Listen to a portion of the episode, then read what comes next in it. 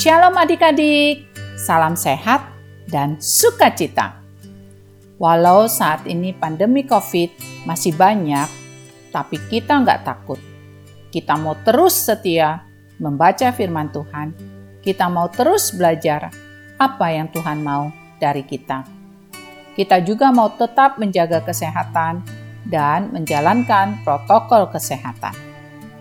Pembacaan firman Tuhan pada renungan audio Shema hari ini dari kitab Amsal 1 ayat 1 sampai 7. Amsal 1 ayat 1 sampai 7. Sebelum mendengarkan firman Tuhan, mari adik-adik kita berdoa. Bapa di surga, saat ini kami mau mendengarkan firman-Mu. Ajari kami untuk dapat mengerti dalam nama Tuhan Yesus, kami berdoa. Amin. Amsal 1 ayat 1 sampai 7. Amsal-amsal Salomo bin Daud, Raja Israel. Untuk mengetahui hikmat dan didikan, untuk mengerti kata-kata yang bermakna, untuk menerima didikan yang menjadikan pandai, serta kebenaran, keadilan, dan kejujuran, untuk memberikan kecerdasan kepada orang yang tak berpengalaman dan pengetahuan serta kebijaksanaan kepada orang muda. Baiklah orang bijak mendengar dan menambah ilmu, dan baiklah orang yang berpengertian memperoleh bahan pertimbangan untuk mengerti amsal dan ibarat perkataan, dan teka-teki orang bijak. Takut akan Tuhan adalah permulaan pengetahuan, tetapi orang bodoh menghina hikmat dan didikan. Demikianlah firman Tuhan. Adik-adik, hari ini kita akan mengenal lebih dalam sebuah perasaan yang biasanya kita benci jika mengalami perasaan tersebut. Perasaan apakah itu? Iya, perasaan itu adalah takut. Kita akan belajar beberapa hal menarik tentang rasa takut. Apa saja itu?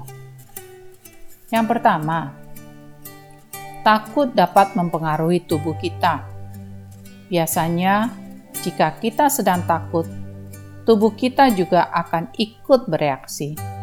Panca indera kita semakin sensitif, detak jantung lebih kencang, juga tekanan darah akan menjadi lebih tinggi.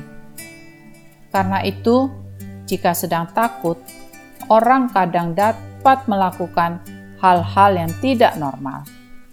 Contohnya, seperti melompat pagar yang tinggi bila sedang dikejar anjing. Yang kedua, ketakutan sering membuat kita berpikir tidak jernih. Kita dapat bereaksi berlebihan ketika kita sedang takut. Contohnya, bila kita masuk wahana rumah hantu, kita akan berteriak jika tiba-tiba ada orang berpakaian hantu mendekati kita.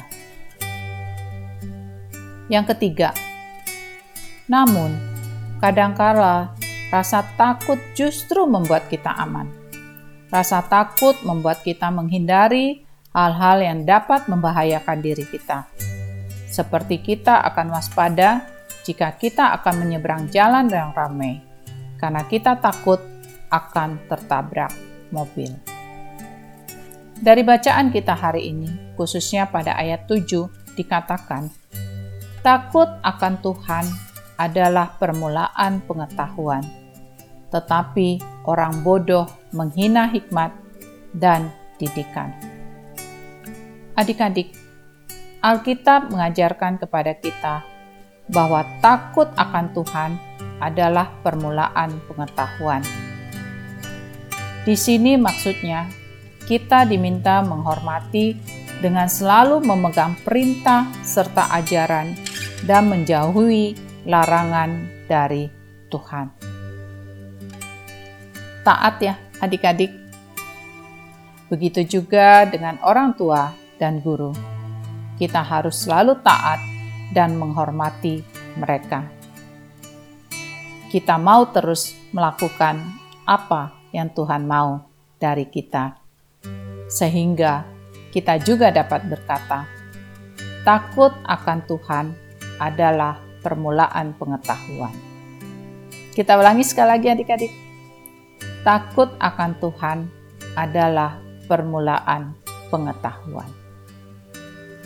Amin. Mari kita berdoa. Bapa di surga, terima kasih hari ini kami sudah belajar beberapa hal tentang takut, termasuk agar kami selalu takut akan Tuhan.